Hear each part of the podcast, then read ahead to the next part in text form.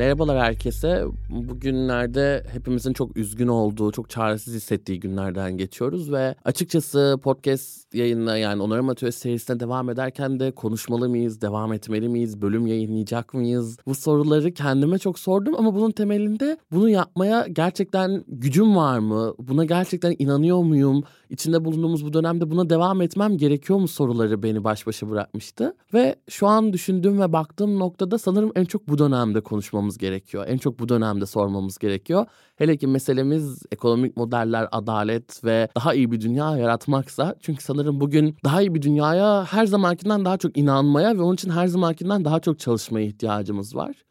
İçinde geçtiğimiz günler kabul etmek gerekirse evet bir afetin ama bu afetin ötesinde yapamadıklarımızın, bugüne kadar bir şekilde onaramadıklarımızın ve eksik bıraktıklarımızın acısını yaşıyoruz. Bu 10 günde gördüğümüz şeyler aslında bir depremin bir haftada sebep olduğu şeyler değil. Çok uzun süredir ölüşümüzün kısa bir özeti kucağımızda kaldı ve bu o kadar can yakıcı bir özet ki ve bu o kadar eksik kalışımızın sistemsel çürüyüşümüzün, bu ekonomik politikaların, büyüme hırsının ve her şeyin insanlardan bu kadar kopartılmasının o kadar ağır ve yoğun bir özeti ki bu 10-15 gündür gördüklerimiz içinden çıkamadığımız bir hal aldı. Ama dediğim gibi doğru söze hiç olmadığı kadar ihtiyacımız var ve bugün depremin bir doğal afet olduğunu, bir gezegensel problem olduğunu Evet görüyoruz ama ölümlerimizin sebebinin bundan çok daha fazlası olduğunu biliyoruz ve bunu irdelemeye ihtiyaç duyuyorum. Her şeyden önce ekin olarak ve bir şeyi onarmak için harekete geçmiş onarım atölyesi olarak bunları konuşmaya ihtiyacımız var. Çünkü bugün hepimizin kanalize etmek istediği bir dönüştürme arzusu var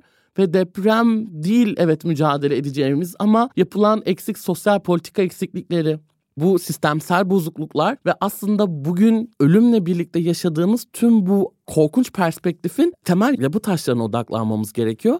Dün bu yayının girişinde neler söyleyeceğimle ilgili aslında çok böyle uzun uzun bir şeyler yazmıştım ama şimdi dediğim gibi sadece o çok özel anlarda sizinle sohbet etmek, sizin duymak istediğim anlardan birindeyim. Ve dediğim gibi bugün soru sormaya kaldığımız yerden devam etmemiz gerektiğine inanıyoruz. Burada da depremin tek başına bir gezegensel sorun olmadığını, bunun politik yanlarının, kültürel yanlarının, siyasi yanlarının olduğunu ve daha fazlasının olduğunu konuşmamız gerekiyor. Tam bu noktada da aslında yeni bir iç mini seriyi depreme adamak istiyoruz ve burada da Mekanda Adalet Derneği ile birlikte bir işbirliğine gidiyoruz.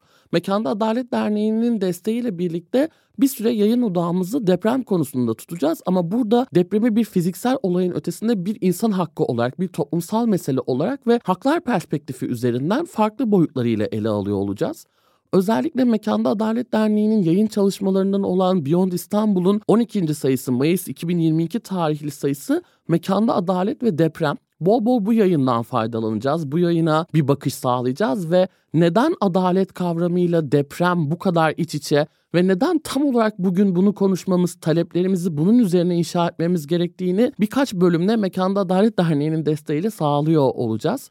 Bu çok kıymetli bir adım olarak görüyorum bunu. Çünkü bugün içinde bulunduğumuz durumda gerçekten çözmek ve o tırnak içerisinde gerçekten bir ders konusu almak istiyorsak bizim çok daha sistemsel bir bakış açısına ve daha derinden, daha algısı geniş bir dönüşüme ihtiyacımız var. O yüzden bu yayın serisinin hepimize iyi gelmesini umuyorum. Hepimize bir omuz vermesini umuyorum. Burada olduğunuz bu süreçte bu paydaşlığı üstlendiğiniz ve sorularınızla bizimle olduğunuz için çok teşekkürler. Akbank'ın desteği ve Podbean Medya'nın yapımcılığında hayata geçen Onarım Atölyesi Podcast'te içinde bulunduğumuz durumda bu konuya odaklanmak ve bunu bu alanda uzun süredir emek sarf eden Mekanda Adalet Derneği ile birlikte hayata geçiriyor olmak çok kıymetli. Tam da bu noktada zaten bugün konuklarım da bahsettiğim ve açıklamaya da erişimini sağlayacağımız Mekanda Adalet ve Deprem Yayının editörü ve konuk editörüyle olacak. Mekanda Adalet Derneği Kentsel Politikalar Program Sorumlusu sevgili Bahar Bayhan ve akademisyen ve Mekanda Adalet ve Deprem yayınının da konuk editörü Eray Çaylı ile bu bölümde mekanda adalet ve deprem konusunu konuşuyor olacağız ve Beyond İstanbul'un bu 12. sayısına bol bol atıfta bulunacağız. Bahar, Eray Hocam hoş geldiniz. Hoş bulduk, çok teşekkürler. Burada evet deprem özelinde konuşurken aslında bir kriz dönemini de ele alırken ve bir yayına atıf üzerinden başlayan bir mini iç seriyi de bahsederken sizin hikayenizde kısaca ben sizden dinlemek çok isterim. Yani meseleleriniz, dertleriniz ve bunun ötesinde afetle olan, bu adaletle olan ilişkiniz nasıl oluştu? Sizin hikayenizdeki yeri ne ve özellikle Bahar senden de kısaca Mekanda Adalet Derneği'nde duymak çok iyi olur. Kendimden ufak bahsedeyim isterseniz. Ben Mimar Sinan Şehir Planlama mezunuyum. Üzerine sosyoloji yüksek lisansı yaptım. Bir yandan da 99 depremini İzmit'te deneyimlemiş bir insanım. Böyle akışıma baktığım zaman hani bu yayını yapmayacağım da ne yapacağım gibi bir yere varıyor mesele. E, Mekan Adalet Derneği e, yaklaşık 6 yıl faaliyet gösteren bir dernek. Daha adil, ekolojik, demokratik, kentsel ve kırsal mekanlar için kamusal bilgi üretmeyi hedefliyoruz ve paylaşıyoruz. MAD'ın afetle ilişkisi aslında 99 Düzce depremine uzanıyor. Düzce'deki kiracı evsiz depremzedelerin yaşam alanlarını birlikte kurma, üretme deneyimin bir parçasıydı bizim ekibimizin kurucuları aynı zamanda. Diğer yandan uzun yıllardır İstanbul'da ve İzmir'de çeşitli illerde deprem riski bahane edilerek yürütülen kentsel dönüşüm çalışmalarını inceliyoruz. Bu mahallelerde kentsel dönüşüme karşı daha adil bir bakış açısının yer almasını savunan mahallelerde çalışmalar yapıyoruz. Onların mücadelelerine destek olmaya çalışıyoruz. Yani MAD'ın afetle buradan bir ilişkisi var diye sözümü tamamlayayım. Aslında ben de İzmitliyim ve bunu ikimizin de Bahar'la İzmitli olduğumuzu ve depremi orada yaşadığımızı yani 99 depremini bu özel sayının lansmanında öğrendik. İlginç bir bağlantı. Yani bu mesela sayıda ben kendi adıma bahsetmiyorum bundan ama mutlaka bir anlamı vardır. Ben akademisyenim. Şiddetin mekansal politikasını çalışıyorum. 2008'den beri Türkiye dışındayım ve şu anda da yeni henüz taşındım. Hamburg şehrindeyim. Mekanda Adaleti uzun zamandır takip ediyordum ve çalışmalarını yani hayranlıkla izliyordum. Fakat herhalde 2017 falan civarı daha yakın bir işbirliğimiz olmaya başladı. Yani işbirliği derken şöyle düzenledikleri e, harika yaz okullarına katıldım. E, yani ders vermek amaçlı işte konuşmalar vermek vesaire derken yazılar yazmak falan derken en son işte bu özel sayı için mekanda adalet ve deprem sayısı için sağ olsunlar beni davet ettiler. Ben de çok büyük mutlulukla tabii ki bu sayıyı derledim. Ama çok büyük emek gerçekten Mekan Adaleti, Adalet'in kendi ekibinden, Beyond İstanbul'un daha doğrusu diyelim, kendi ekibinden geldi. Ee, özellikle başta Bahar olmak üzere. Röportajlar anlamında veya daha başka yani makale konvansiyon anlamda makale olmayan bir sürü içerik var ki onlar çok değerli gerçekten. Okuyanlar bence fark eder.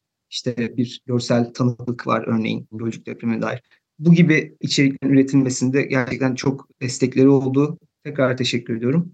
Böyle özetleyebilirim. E, deprem veya afet meselesini son herhalde 6 senedir falan daha yakından çalışıyorum. Ama şunu en başta söylediğim yere bağlayarak bitireyim. Benim için ya ben uzun öteden beri, onun evvelinden beri şiddetin mekansal politikasını çalışan birisi olarak aslında afet meselesine de bu perspektiften yaklaşıyorum. Diyerek bitireyim e, zaten açarız.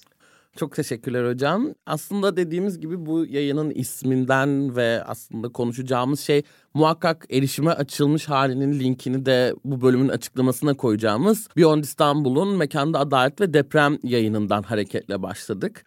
Neden böyle bir yayına ihtiyaç oldu? Ben bunu sormak istiyorum. Yani bir doğal afette ilk odaklanacağımız kavramlardan biri neden adalet, neden mekanda adalet olmalıydı? Bu yayın tam olarak hangi sebeplerden doğdu? Biz Beyond İstanbul'da aslında her sayıda e, farklı bir konuyu derinlemesine ele almaya çalışıyoruz.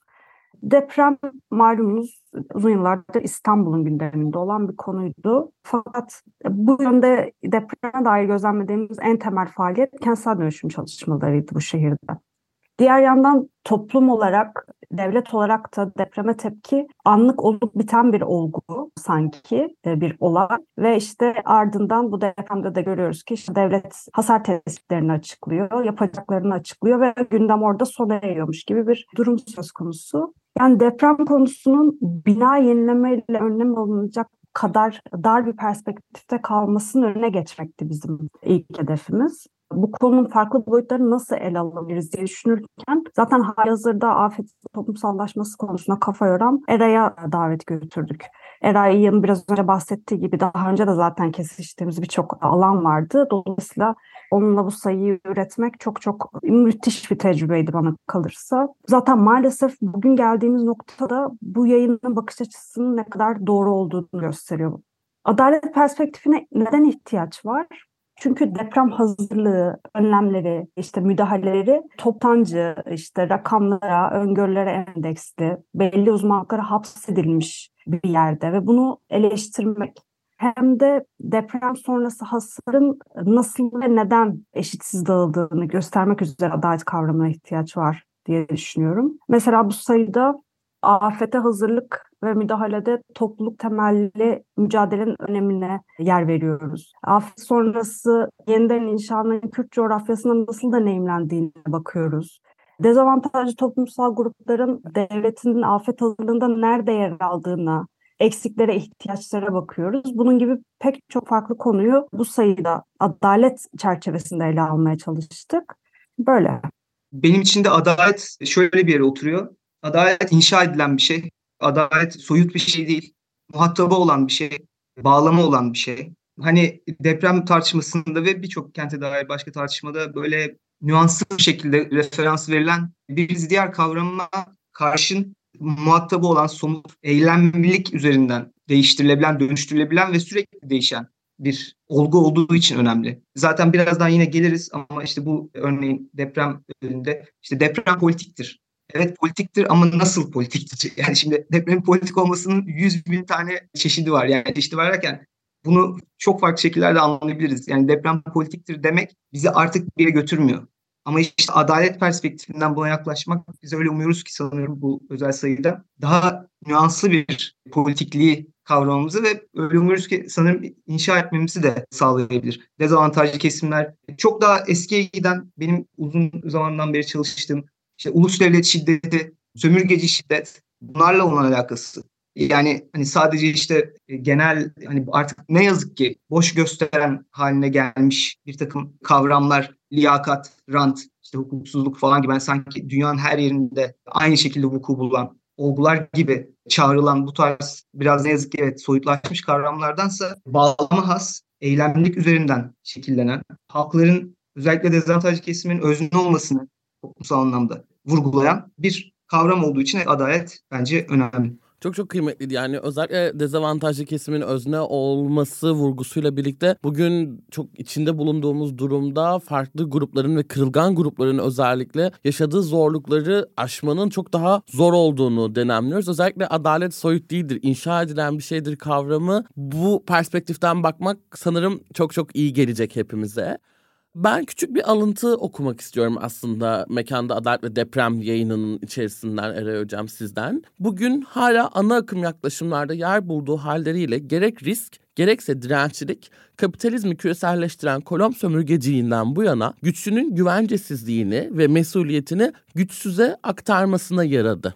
Bu alıntıyı biraz açabilir miyiz? Tabii ki aslında şu andaki içinde bulunduğumuz durum üzerinden açayım. Yani o bahsettiğiniz alıntıdaki referans verilen tarih üzerine de konuşuruz ama şöyle bir şey. Şimdi biliyorsunuz 2012'den beri bir afet yasası var Türkiye'de. Ve bu afet yasasının merkezinde risk kavramı yer alıyor. Riskli yapı, riskli alan gibi kavramlar üzerinden.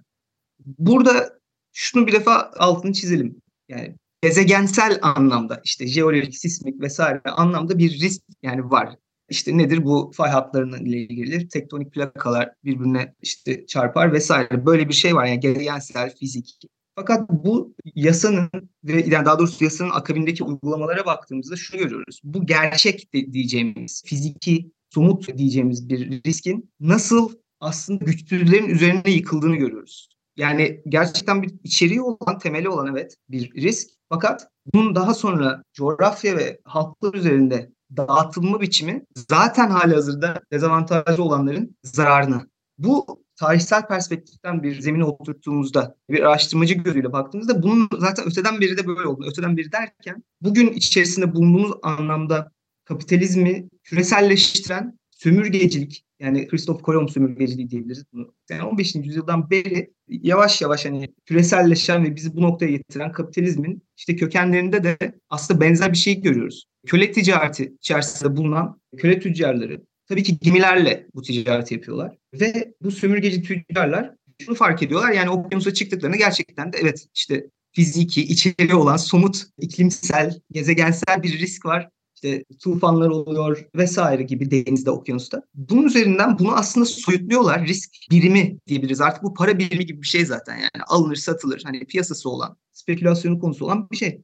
İşte o zaman bu hale geliyor risk kavramı ve daha sonra şu oluyor işte o gerçek kendilerinin maruz kaldığı riski aslında o köyleştirdikleri ve gemilerinin de işte ticaretini meta gibi alıp sattıkları ve aslında bir kargo muamelesi yaptıkları şey, insanların üzerine yıkıyorlar ve bu, çünkü bu risk sayesinde sigorta sektörü ortaya çıkıyor. Ve sigorta ne olursa olsun sizin işte karınızı garantiliyor bir tüccar olarak. Ve bu karın garantilenmesi demek sizin orada taşıdığınız o kargo muamelesi yapılan insanlara da istediğiniz gibi muamele edebilmeniz, aç bırakabilmeniz, susuz bırakabilmeniz demek oluyor. Yani çizdiğimiz bu izlekte gördüğümüz gibi aslında gerçekten iklimsel, gezegensel faktörlerden ortaya çıkan bir e, okyanus içerisindeki bir e, hani risk son kertede köleleştiren halklara yönelmiş bir ve onları eşitsiz olarak etkileyen bir olgu haline geliyor. Ve işte sigorta sektörü bunun içini çekiyor. Bizde de aslında son dönemde buna benzer bir şey var. Tabii ki kendine has şeyleri var, dinamikleri var ama yani bakıyoruz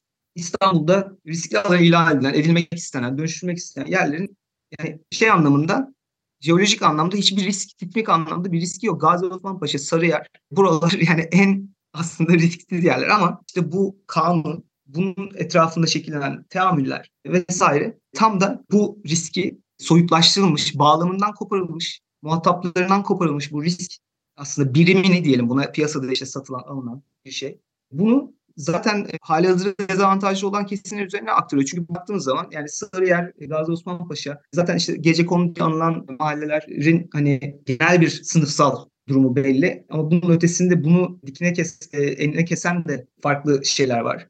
İşte ırksallaştırılmış halkların da yaşadığı yerler olduğunu biliyoruz. Yani öteki, ötekileştirilmiş belli inanç olsun, etnik köken anlamında kesimlerin de yaşadığı yerler var. İşte bunların üzerine yıkılmış oluyor.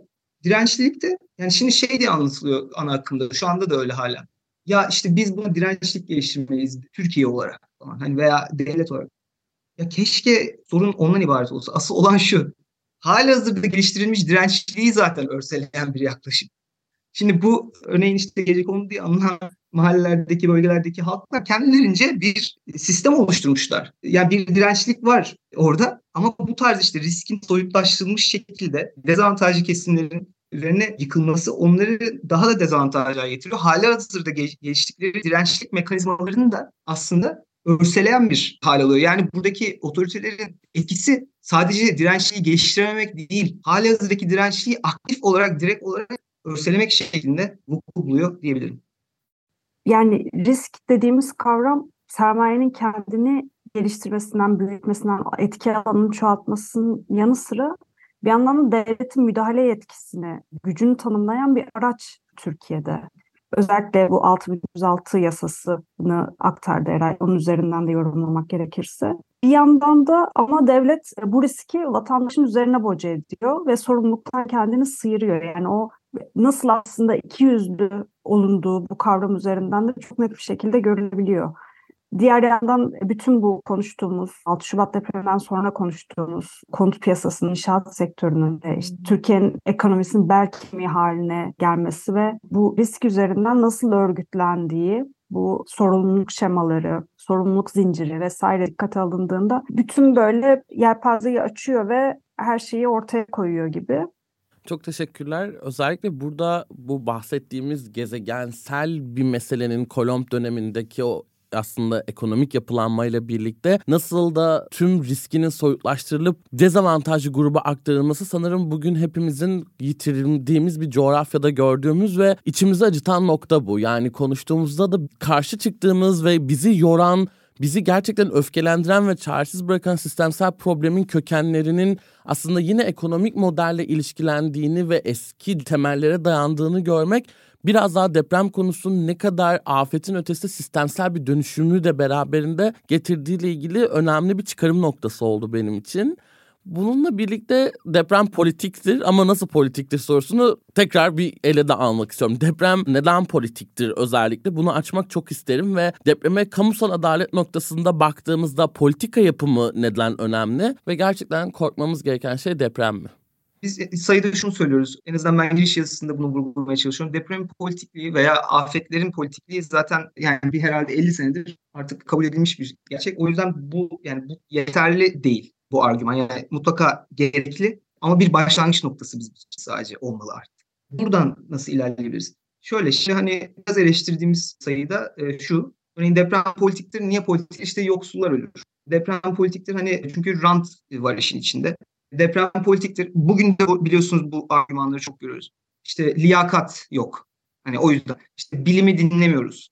Yani bu tamam hepsi çok güzel ama işte yani öyle durumlar var ki bu şekilde açıklanamıyor. E, şu anda bence yaşadığımız durum da e, biraz gündeme konuşursak e, bundan ibaret. Yani liyakat öyle uzayda bağımsız, bağlantısız böyle soyut bir liyakat diye bir şey yok. Yani şu anda içerisinde bulunduğumuz düzende yapılmak istenen, gerçekleştirmek istenen gündeme dair liyakat olan insanlar alınmış zaten o görevlere. Yani bunun liyakatleri var. O politikaya göre liyakatleri var. Yani özetle şu, bu tarz kavramlar, şimdi deprem politiktir deyip oradan vardığımız ve kullandığımız bu boş gösteren haline gelmiş kavramlar bizi bir takım zor soruları sormaktan alıkoyup bir kaçışa yönlendiriyorsa buna itirazım var benim şahsen. Ve bu sayıda bunu yapmaya çalışıyoruz. İşte liyakat bunlardan biri. Yani deprem politiktir. Çünkü niye liyakat yok? Hayır, deprem politiktir evet ve liyakatli olanlar kendi politikasına göre liyakatli olanlar işe alınmış zaten. İşte rant. Evet rant güzel ama rant nerede nasıl vuku? Şimdi yani rantın olmadığı yerlerde bugün çok ciddi bir trajedinin yaşandığını biliyoruz. Ya, ırkçılığı konuşmamız gerekiyor açık açık Türkiye'de çok konuşulmayan bir şey. Yani ırkçılık deyince işte mülteciler falan geliyor akla. Hayır. Bizim, yani evet onlar tabii ki var yani o ırkçılık tartışması içerisinde olmalı ama yani bu ülkenin kendi ırkçı tarihini konuşmamız gerekiyor ve bugüne kadar giden. Ya dün değil evvelsi gün galiba Pazarcık'ta Evi derneklerinin topladığı yardımlara kayyum atandı. Yani böyle şey olmayan bir şey evvelden yani. Ama işte teknolojiler de sürekli üretilebiliyor. Pazarcıkta rant mı var? Yani hayır pazarcıkta bir rant yok. Yok ama bu yapılıyor. Çünkü niye aslında o rant dediğimiz kavram ki evet gözden kaçırmalıyız ama belli somut politik bağlamlarda zaten kökenine baktığımız zaman ırkçılıkla içli dışlı. Ben bunu söylemeye çalışıyorum sayıda. Yani işte o sömürgecilik bağlantısını o yüzden kuruyorum. Yani kapitalizm dediğimiz şey zaten sömürgecilik ve ırkçılıkla göbek bağı içinde kökeninden beri şekillenmiş bir şey. Yani kapitalizm deyince biz e, bir takım kendi coğrafyamıza dair çok daha zor sorulardan biz kaçıyorsak bu yanlış işte şeyde de bu var. Mesela Lice depremiyle ilgili bir yazı var sayıda ben çok e, önemli buluyorum. Yani şey diyor aslında uluslararası bağlamada bir eleştiri yapıyor. Hemen deprem sonrası yazılan bir yazı. Daha doğrusu deprem sonrası yapılan bir araştırmaya cevaben yazılan bir yazı. O yüzden daha ilginç. Şöyle diyor. Uluslararası bağlamda işte bir takım kurumlar Türkiye'yi eleştiriyor o zaman. Diyorlar ki ya Türkiye geri kalmış bir ülke, üçüncü dünya ülkesi. O yüzden bu afetle doğru düzgün iştigal edemedi, yardım edemedi bu Lice depremine. Yazar diyor ki hayır. Şimdi burada iki kat bir oryantalist bir bakış açısı var. Çünkü Türkiye'de diğer afetlerin verilen cevabı bakıyoruz devletin verdiği diyor. Gayet güzel verilmiş. Burada özel bir eksiklik var. Bu Lice dair özel bir ihmal var diyor. Yani hem uluslararası aktörlerin bu söylemini eleştiriyor. Yani siz böyle üçüncü dünya ülkesi gibi bir şeyden çıkamazsınız ki siz de dahilsiniz diyor. Çünkü Oxfam gibi örgütlere bağlıyor sonra Oxfam'ın nasıl geliştirdiği geçici barınma ünitelerini böyle hani dünyanın her yerinde aynı şekilde uygulanabilir gibi farz ederek, varsayarak Lice'ye de empoze ettiğini ve bunun tamamen yanlış olduğunu da söylüyor. Ve hani işte Türkiye devletini zaten eleştirmiş oluyor. Çünkü hani siz başka yere geldiğinde gayet güzel cevap veriyorsunuz imkanlarınız dahilinde. Burada ise hani bir ihmaliniz var diyor falan. Yani bu tarz bir bazen işte bizi politikadan, ideolojiden de diyelim hatta kaçırma eğiliminde olan bir kaçış imkanı tanıyan kavramları boş gösterenleri bu şekilde kullanmalıyız. Rant gibi, liyakat gibi. Bunları yine somut bağlamlara oturtarak kullanmalıyız. Bunu yapmaya çalışıyoruz. Eray'ın bahsettikleri benim aklıma bir de sayıdaki yazılardan birini getirdi. Andrew Pinto'nun yardım meselesinin nasıl örgütlendiği, bunun üzerinden yardımın da nasıl bir çıkar malzemesine dönüşebildiğine dair ne vurguladığı bir yazısı vardı. Onun üzerinden tabii ki şey 6 Şubat depreminden sonra örgütlenen e, yardım kampanyası işte bu büyük holdinglerin bağışladığı paralar geldi aklıma. Yani deprem politiktir demek bu sistemin çatlaklarını ve çürümüşlüğünü ifşa ettiğimiz sürece bir yere varıyor bana kalırsa. Çünkü zaten Eray'ın belirttiği gibi dirençsiz kılınmış bir toplum. Zaten üzerine örtü çekilmiş. Deneyimlerin iyileştirilmesi üzerine yardım örgütlemek buradaki asıl sorumluları geriye çeken, onların sorumluluklarını geride tutan bir şeye faaliyete dönüşüyor. Buradaki önemli noktalardan biri de aslında geçen bölümde yoksulluk ve yoksulluk üzerine Hacer Hanım'la da konuştuğumuz gibi gerek afet dönemlerinde özellikle afet dönemlerinde ama normal dönemlerde de birlikte yapılan şeylerin bir yardım, bağış gibi değil bir hak olarak görmek ve sosyal devlet politikasına mecburi bir uzantısı olarak görmek sanırım bu afet döneminde yeniden yapılandırılma ve destek mekanizmalarını konumlandırmada çok çok önemli bir yerde bizi karşılıyor. Çünkü bugünlerde tekrar sosyal medyada dolaşıma da giren Haklar Deklarasyonu'ndan bu içinde bulunduğumuz durumlar yapılan tırnak içerisindeki o yardımlar kusursuz iyilik değil kusurlu bir haktır yaklaşımını hem bireysel hem de daha örgütsel destek mekanizmalarını da gündeme almak çok çok kıymetli. Özellikle acının ve yaşanan afet bölgesindeki durumun öznesi olmadan hatta oradaki özneleri nesneleştirerek yaptığımız bu yardım yine tırnak içerisinde yardım mekanizmalarını hak temelli yaklaşımlara oturtmak ve bunu sadece afet dönemlerinde değil genel bir devlet politikası haline getirip genel bir zihniyete dönüştürmek ne kadar önemli olduğunu bu süreçte tekrar görüyoruz bununla birlikte. Ve bahsettiğiniz gibi rant dediğimiz kavram bu bağlamsızlaştırılan, risk rant uzaklaştırılan ve tek başına orada çok tekil bir noktaya indirgenen yaklaşımların ne kadar bugüne kadarki eşitsizlik, sosyal krizler, ırkçılık gibi farklı konularla temel kökenden geldiğini görmek bugün çok çok önemli.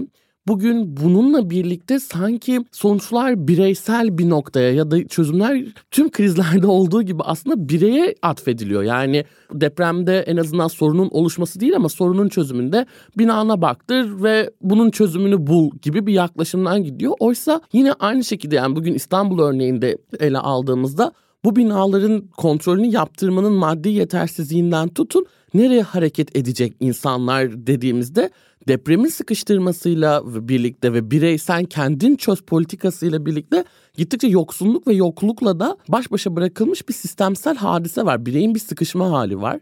Tüm bu perspektiften biraz uzun konuştum ama bu muhatapsızlaştırma ve bağlamsızlaştırma işin daha fazla bireyci bir noktaya indirgenmesini mi sağlıyor? Bizi nasıl kısıtlıyor ve bundan nasıl kurtulabiliriz? Bununla nasıl mücadele edebiliriz? Bilim meselesi üzerinden ben biraz cevap vereceğim buna. Bir örnek olarak sorunun bir alt başlığı olarak belki. Önceki soruda da değinmiştim hani şey diye hani işte rant, liyakat, işte bilim, bilime inanmamak falan gibi şeyler böyle hani referanslar böyle veriliyor ama artık ne yazık ki içleri boşaldı ve bizi politikadan başka tarafa yönlendiren referanslar haline geldi demiştim. Bilimden biraz devam ederek şöyle mesela bu sayıda Yer Çizenler Derneği diye bir Hı. dernekten bir katkı var. İşte burada şunu görüyoruz yani bilim tamam tabii ki faydalı ama yani bilimi kim kullanacak? İşte muhatabı kim?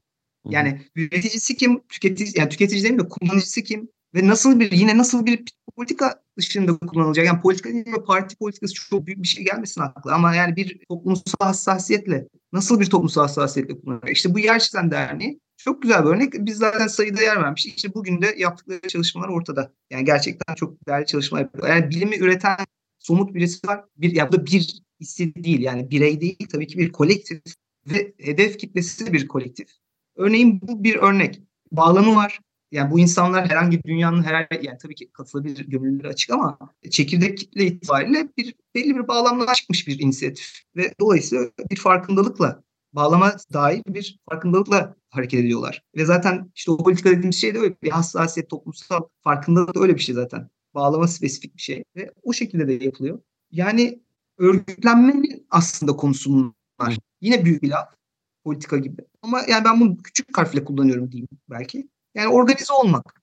Yani kolektif bir şey yapmak ve bir asgari hassasiyeti, farkındalığı paylaştığınız insanlarla ve belli bir kitle için yani belli bir kitle derken şey anlamda söylemiyorum yani kantitatif anlamda söylemiyorum yani niceliksel anlamda yani biz şöyle bir sahip şöyle bu tarz işte dezavantajlı kesimlere yardımcı olsun diye mesela bu bilim yürütüyoruz demek. Yoksa işte ne yazık ki yine bugün gördüğümüz işte haber kanallarına çıkan bir takım jeologlar, yer bilimciler ya ben kendilerinin niyetinden tabii ki şüphe etmiyorum ve değerli insanlar ama şu oluyor. Yani her yere artık şey çıkıyor. Hani yer bilimci çıkıyor. İşte fay hattı nereden geçer? İşte ne, kaç şiddetinde deprem? Yani bu bizi yine politikadan bakın kaçıran bir şey haline ya. Ve hani en politik farkında olan insan bile şey diyor Twitter'a gidiyor şeyden sonra yayından sonra bilim insanları o yayına katılan bilim insanı yani bakın. Ve Twitter'da diyor ki ya ben tam lafı politikaya getirdim değiştirdiler. E tabii ki sizin uzmanlığınız yani zaten size sorulan şey fay vesaire.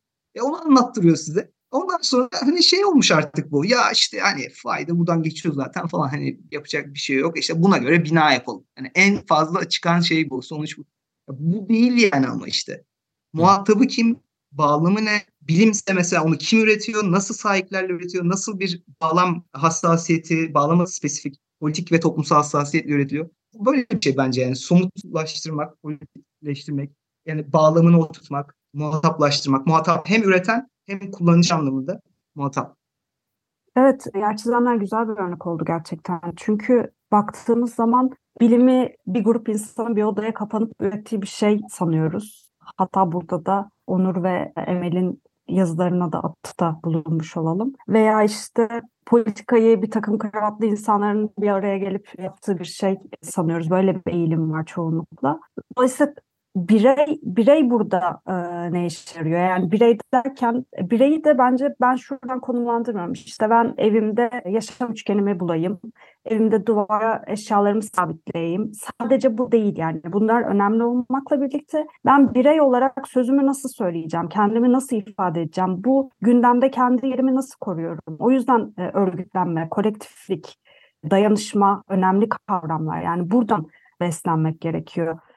Yer Çizenler Derneği'nin mesela bana kalırsa yaptığı önemli şeylerden biri de bağımsızlaşmayı sağlayabilmek. Yani o bütün üretimi sürekli kılabilmek, bütün bu büyük şirketlerden bağımsız hale getirebilmek ve kendine hareket alanı yaratmak. Buradan bireyin sözünü üretmek, kolektifleştirerek. O çok değerli geliyor bana. Diğer yandan bu muhatapsızlaştırma meselesinde de bu deprem öldürmez binalar öldürür söylem 99 sonrasında çok meşhur olunca orada hemen e, mesele müteahhitler biraz şimdi olduğu gibi müteahhitler çerçevesinde sıkıştı. Yani binaların teknik yeterliliğine indirgendi sorun orada. Yani binalar öldürmediği sürece biz depreme hazırlanmış mı olduk mesela? Ya da işte süreci yönetebilmiş mi olduk? Soruları biraz buradan sormak gerekiyor. Yani müteahhitlerin üzerinden yükselen bu hesap sorma dalgası eğer e, hesap verebilir, şeffaf, katılımcı bir kent planlaması gibi bir yere evrilmediği sürece bütün bu çabalarda yetersiz kalacakmış gibi geliyor bana. Kesinlikle yani aslında geçiş adaletine dair literatürde mesela bunu görüyoruz. Yani çok ilginç bir farklı gibi geliyor ama işte benim öteden beri çalıştığım konu evet. diyorum hep şiddet tarihleri üzerinden ben okuyorum. Afet meselesini de böyle okuyorum. Orada şunu görüyoruz yani bir takım konvansiyonel geçiş adaleti süreçlerinde hep bireyler mahkum edilir. Yani bunlar devlet için çalış, çalışmış da olabilir ama yine de bireysel düzeyde. Ya bu Nürnberg mahkemeleri bunun en bilinen örneği mesela. Yani işte birkaç tane bakan vesaire hani üst düzey falan yani bunlar üzerinden bir hesaplaşma gerçekleşiyor. Fakat altta yatan dinamikler aslında sistemsel dinamikler, yapısal dinamikler ne yazık ki aynı kalıyor bunun aslında değişmesi lazım. Yani müteahhitlerde bir nevi artık şey haline gelmiş. İşte o baskı dönemlerinin bakanları gibi bireyler hani sanki bunlar yaptı. Evet tabii ki onların suçu var ama çok daha sistemik derine inen e, bir dizi problem var. Bunların değişmesi lazım. Bu da örgütlenmeyle ve işte kişilerin tabii ki ben burada birey sorusuna, birey vurgusuna belki değineyim biraz. Öyle bitireyim. E, şöyle yani birey değil yani bireylerden oluşan kolektifler tabii ki yani örgütlenme organize olma dediğimiz bu. Ve bu da şöyle iki kollu ilerliyor. Zaten hep böyle sahada da böyle bence.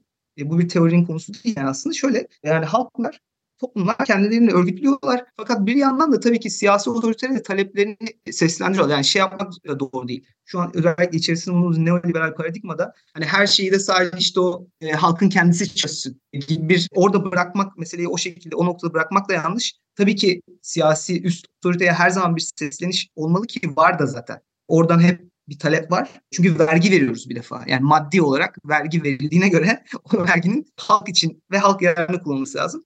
Ama onun tabii ki bu esnada o kendi vazifesini bizim istediğimiz gibi gerçekleştiremediği esnada tabii ki biz halk olarak kendimiz örgütlenip kendi özgürlüğümüzle de meselelere eğilebilmeliyiz. Yani bu iki kollu birbiriyle çelişen şeyler değil bunlar. Gündemler değil. Yani üst otoriteden talep etmekle kendini tabanla örgütmek bence ikisi birbiri üzerinden birbiriyle göbek bağı şeklinde ilerleyen şeyler. Ve o sistemsel yapısal dinamiklerle ve o sorunlarla da bu şekilde zaten işgal edilir ve böyle de oluyor şu anda.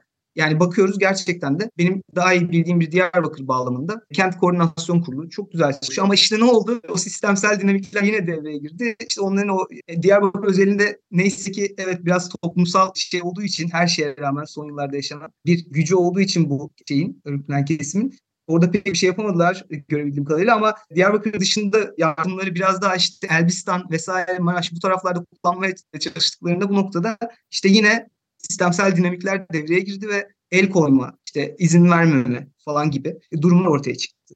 Yani bu şey çatışmayı yani e, bu ihtilafı bu şekilde problemi bu şekilde anlamak lazım diye düşünüyorum. Çok teşekkürler. Yani aslında burada da bahsettiğimiz özellikle kriz anlarında, deprem gibi felaketlerde ve temel otoritelerin de burada kendi üzerine gerekli sorumlulukları da almadığı noktalarda müteahhitler genel olarak halk tarafından ilk gösterilen hedef olmakla birlikte bu yaşadığımız dönem içerisinde özellikle birebir benim gibi öznesi olmayan ama acısını yaşayan gruplar arasında da gördüğümüzde kanalize edememe sorunu da var. Yani ortada büyük bir sorun var. Yardımın ulaşamamasından o bölgenin aslında bugün deprem değil yapılan eksik politikalar sebebiyle bu hale gelmesine kadar birikimsel bir öfke var ve bunu kanalize edememe var. Bu noktada da doğru soruyu sormak ve doğru yere kendimizi kanalize etmek açısından da bu kadar geniş tabansalda bakmak. Yani sadece müteahhite değil, sadece bireye değil, herhangi bir öne çıkarılan bir gruba yönelik değil, tamamen sisteme yönelik bu bakış açısını ve soruları iletmek bence bugün hepimizin kendimiz içinde, kendimizle olan o haysiyet ve barışma durumumuz içinde çok önemli bir adım olarak ben görüyorum açıkçası. Yani bir sorun da şeydi ama bunu yeterince sanki ele de aldık gibi düşünüyorum. Yani bugün yaşadığımız afetle bugüne kadar aldığımız bu neoliberal ekonomik politikaların kapitalizmin sebep olduğu ırkçılık, iklim krizi, eşitsizlik, yoksulluk, yoksunluk bu bahsettiğimiz tüm krizler aslında bahsettiğimiz gibi de depremden çok da bağımsız bir noktadan değil. Depremin bize yaşattıklarından çok bağımsız bir noktadan değil. Tamamen aynı kökten ve aynı tahripkarlıktan geliyorlar. Aynı politikasız hale getirmek, muhatapsız hale getirmekten ve dahilinde kölesizleştirme, köleleştirmekten geçtiğini sanırım çok da güzel bir şekilde ortaya da koymuş olduk. Ve mücadele biçimlerine de değindik. Yani örgütlenmek, kolektifler oluşturmak ve sesimizi duyurmaya çalışmak tüm bununla birlikte bu ana kadar bir ek yorumunuz olur mu bunu sormak ve en özelinde de şeyi sormak istiyorum. Yani evet örgütlenmekten bahsettik ama bugün nasıl harekete geçeceğiz? Yani ne yapmamız gerekiyor? Özel sektörden, devletten, bu farklı oluşan kolektiflerden, örgütlenmelerden temelde ben Ekin olarak yarın bu kaydı dinledikten sonra ne yapmaya başlamam? Neyi nasıl kimden sizce talep etmeye başlamam?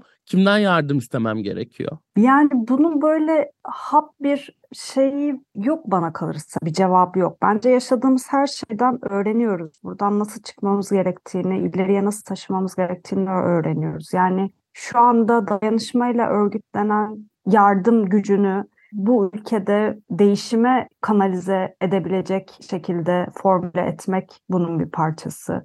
Ya da kurumlara sorumluluklarını hatırlatmak, sorumluluklarını yerine getirmediklerini ifşa etmek bir parçası. Yurttaş denetimi bana kalırsa çok çok önemli bir parçası. Yani yaşadığım sorunu izleyebilmek, takip edebilmek, göstermek, çözümünü talep etmek bunlar yapmamız gereken şeyler zaten. Sadece deprem gündemde değil, bütün yaşadığımız kente, mekanlara dair nasıl daha iyi olabilir sorusunu sorduğumuzda yapmamız gereken şeyler zaten. Dolayısıyla böyle hap bir reçete sunamıyorum ama genel olarak böyle toparlamak isterim. Evet ben de yani kesinlikle katılıyorum. Kendimce biraz daha ekleme yapayım. İşte kişinin kendi bildiği yerden başlaması her zaman güzel. Bu bildiği yer mahallesi olabilir, sokağı olabilir, bu bildiği yer mesleki çevresi olabilir. Biraz da iğneyi kendi cena- e, mahalleme de batırayım. Yani e, gündeme de konuşayım biraz. İçimi de dökmüş oluyorum. Böylece farkındasınız biraz böyle fazla konuşuyorum. Hani işte bir takım Twitter'da şeyleri görüyoruz. Ya özellikle yurt dışında yaşayan benim gibi akademisyenlerde. Ya benim kurumum hiç açıklama yapmadı. E sen ne yaptın? Yani sen kurumu zorladın mı? Hı hı. Mesela o da bir örgütlemenin konusu. Yani örgütlemenince böyle çok büyük bir şey gelmesin akla sen içerisinde bulunduğun kurumun içerisinde ki bunu yazan profesör vesaire. Yani belli ki bir statün var. Sen bu statünü nasıl kullandın? Yani bu bir örneği mesela. Herkesin, hepimizin bir şey oranında ne derler? Kendi meşrebimizde bir şeyimiz var bulunduğumuz yerlerde. Mesleki çevre olabilir, mahalle olabilir. Bulunduğumuz çevreler içerisinde bir konumuz var. Ya bu konu illaki tanım itibariyle bazılarına göre daha dezavantajlı, bazılarına göre daha avantajlı. İşte buradaki avantajlarımızı mümkün mertebe o dezavantajlıların lehine nasıl kullanabilir? Kullanabiliyor muyuz? Yani şey bu, örgütlenmenin anası bu zaten. Her zaman bir tabii ki iğneyi kendimize de batırmamız gerekiyor. Yani öyle şeyler görüyoruz ki Twitter'da işte ilk günden, ikinci günden çok da benim saygı duyduğum akademisyenler yani konuyla ilgili kendi yazdıkları makaleleri falan paylaşıyorlar. Yani ilk günden, ikinci günden. Ben yani şimdi burada tabii ki kendi çalışıyor gibi oldum. Biz de yaptığımız bir yayınla ilgili podcast yapıyoruz ama yani sizin davetiniz oldu mu? Ama bana hala zor geliyor açıkçası analiz yapmak. Ve bilmiyorum ben kendim elim gitmedi. Bu mesela yayını hani mekanda bir kurumsal şey olarak paylaştı da yani ben kendim mesela Twitter'dan paylaşayım falan diye tekrardan yani retweet bile yapamadım yani. Hani elim gitmiyor. Yani ondansa işte bu yayına da biliyorsunuz e, biraz geç kaldım. İçerisinde bulunduğum kurumları kendi adıma bildiğim balamlar, bildiğim çevreler, e, dokunabildiğim bir nebze olsun işte o içerisinde neyse varsa statüm onu kullanabildiğim inisiyatifle içerisinde bir bağış mesela örgütlemeye çalışıyorum vesaire ki bunu herkes yapıyor. İşte Baharlar da yaptı zaten postanede. Yani böyle bir şey bildiğimiz yerden başlamamız gerekiyor tabii ki. Bu mesleki bir çevre olabilir, mahalle olabilir, kentsel bir çevre olabilir. E, yani okul olabilir, üniversite olabilir. Üniversitelerin kapanması bence zaten biraz bununla da alakalı. Uzaktan eğitime geçilme meselesi. Evet, böyle bağlayabilirim. Çok çok teşekkür ederim. Çok çok kıymetliydi. Yani özellikle bugün içinde yaşadığımız durumda dediğim gibi ne yapacağımızı özellikle bilemediğimiz anda meseleyi sadece o afet anında yaşanan ve afet anında yapılamayan eksikler üzerinden değerlendirmek yerine bu işin tüm katmanlarıyla teknolojiden politika yapımına, mahalle örgütlenmesinden dezavantajlı grupların taleplerine kadar birçok alanda birlikte incelenmesi hep sürekli dediğimiz ders alma noktasında ders almak yerine biraz daha dersin içeriğini birlikte hazırlamak hazırlamamıza olanak sağlayacağını inanıyorum ve siz yayının aslında Ero Hocam editör notunun sonunda depremin politikliğini türlü başka alana atfetmektense doğrudan depreme dair hazırlık, tepki ve anlamlandırma pratikleri ışığında ele almanın toplumsal, mekansal adaleti arayanlara omuz vereceğini umuyorum diyorsunuz bu yayının ve belki umuyorum bu podcast kaydının bu omuzu vereceğine ben inanıyorum. Bir şekliyle bize daha farklı düşünmemizi sağladığınız için çok teşekkür ederim. Bugün de iki buradaydınız. Ben çok teşekkür ederim kendi adıma Ekin. Tekrardan Bahar'a da çok teşekkürler. Bütün ekibe bu sayıyı derleme davetini bana ilettikleri, bu imkanı bana tanıdıkları için. Hepinizi sevgiyle, dayanışmayla selamlıyorum. Geçmiş olsun diyorum. Başımız sağ olsun diyorum. Ben de teşekkür ediyorum Ekin davetin için. Yani bir yandan da keşke bu deprem sayısını bu koşullarda konuşuyor olmasaydık. Biz bu yayını çünkü geçen sene Mayıs ayında çıkardık mesela. Keşke gündemi bu olmasaydı. Üzgünüz, öfkeliyiz. Umarım bu üzüntümüzü, öfkemizi daha iyi yerlere kanalize edebiliriz. Sizlerle konuşmak güzeldi. Teşekkür ediyorum. Çok teşekkürler.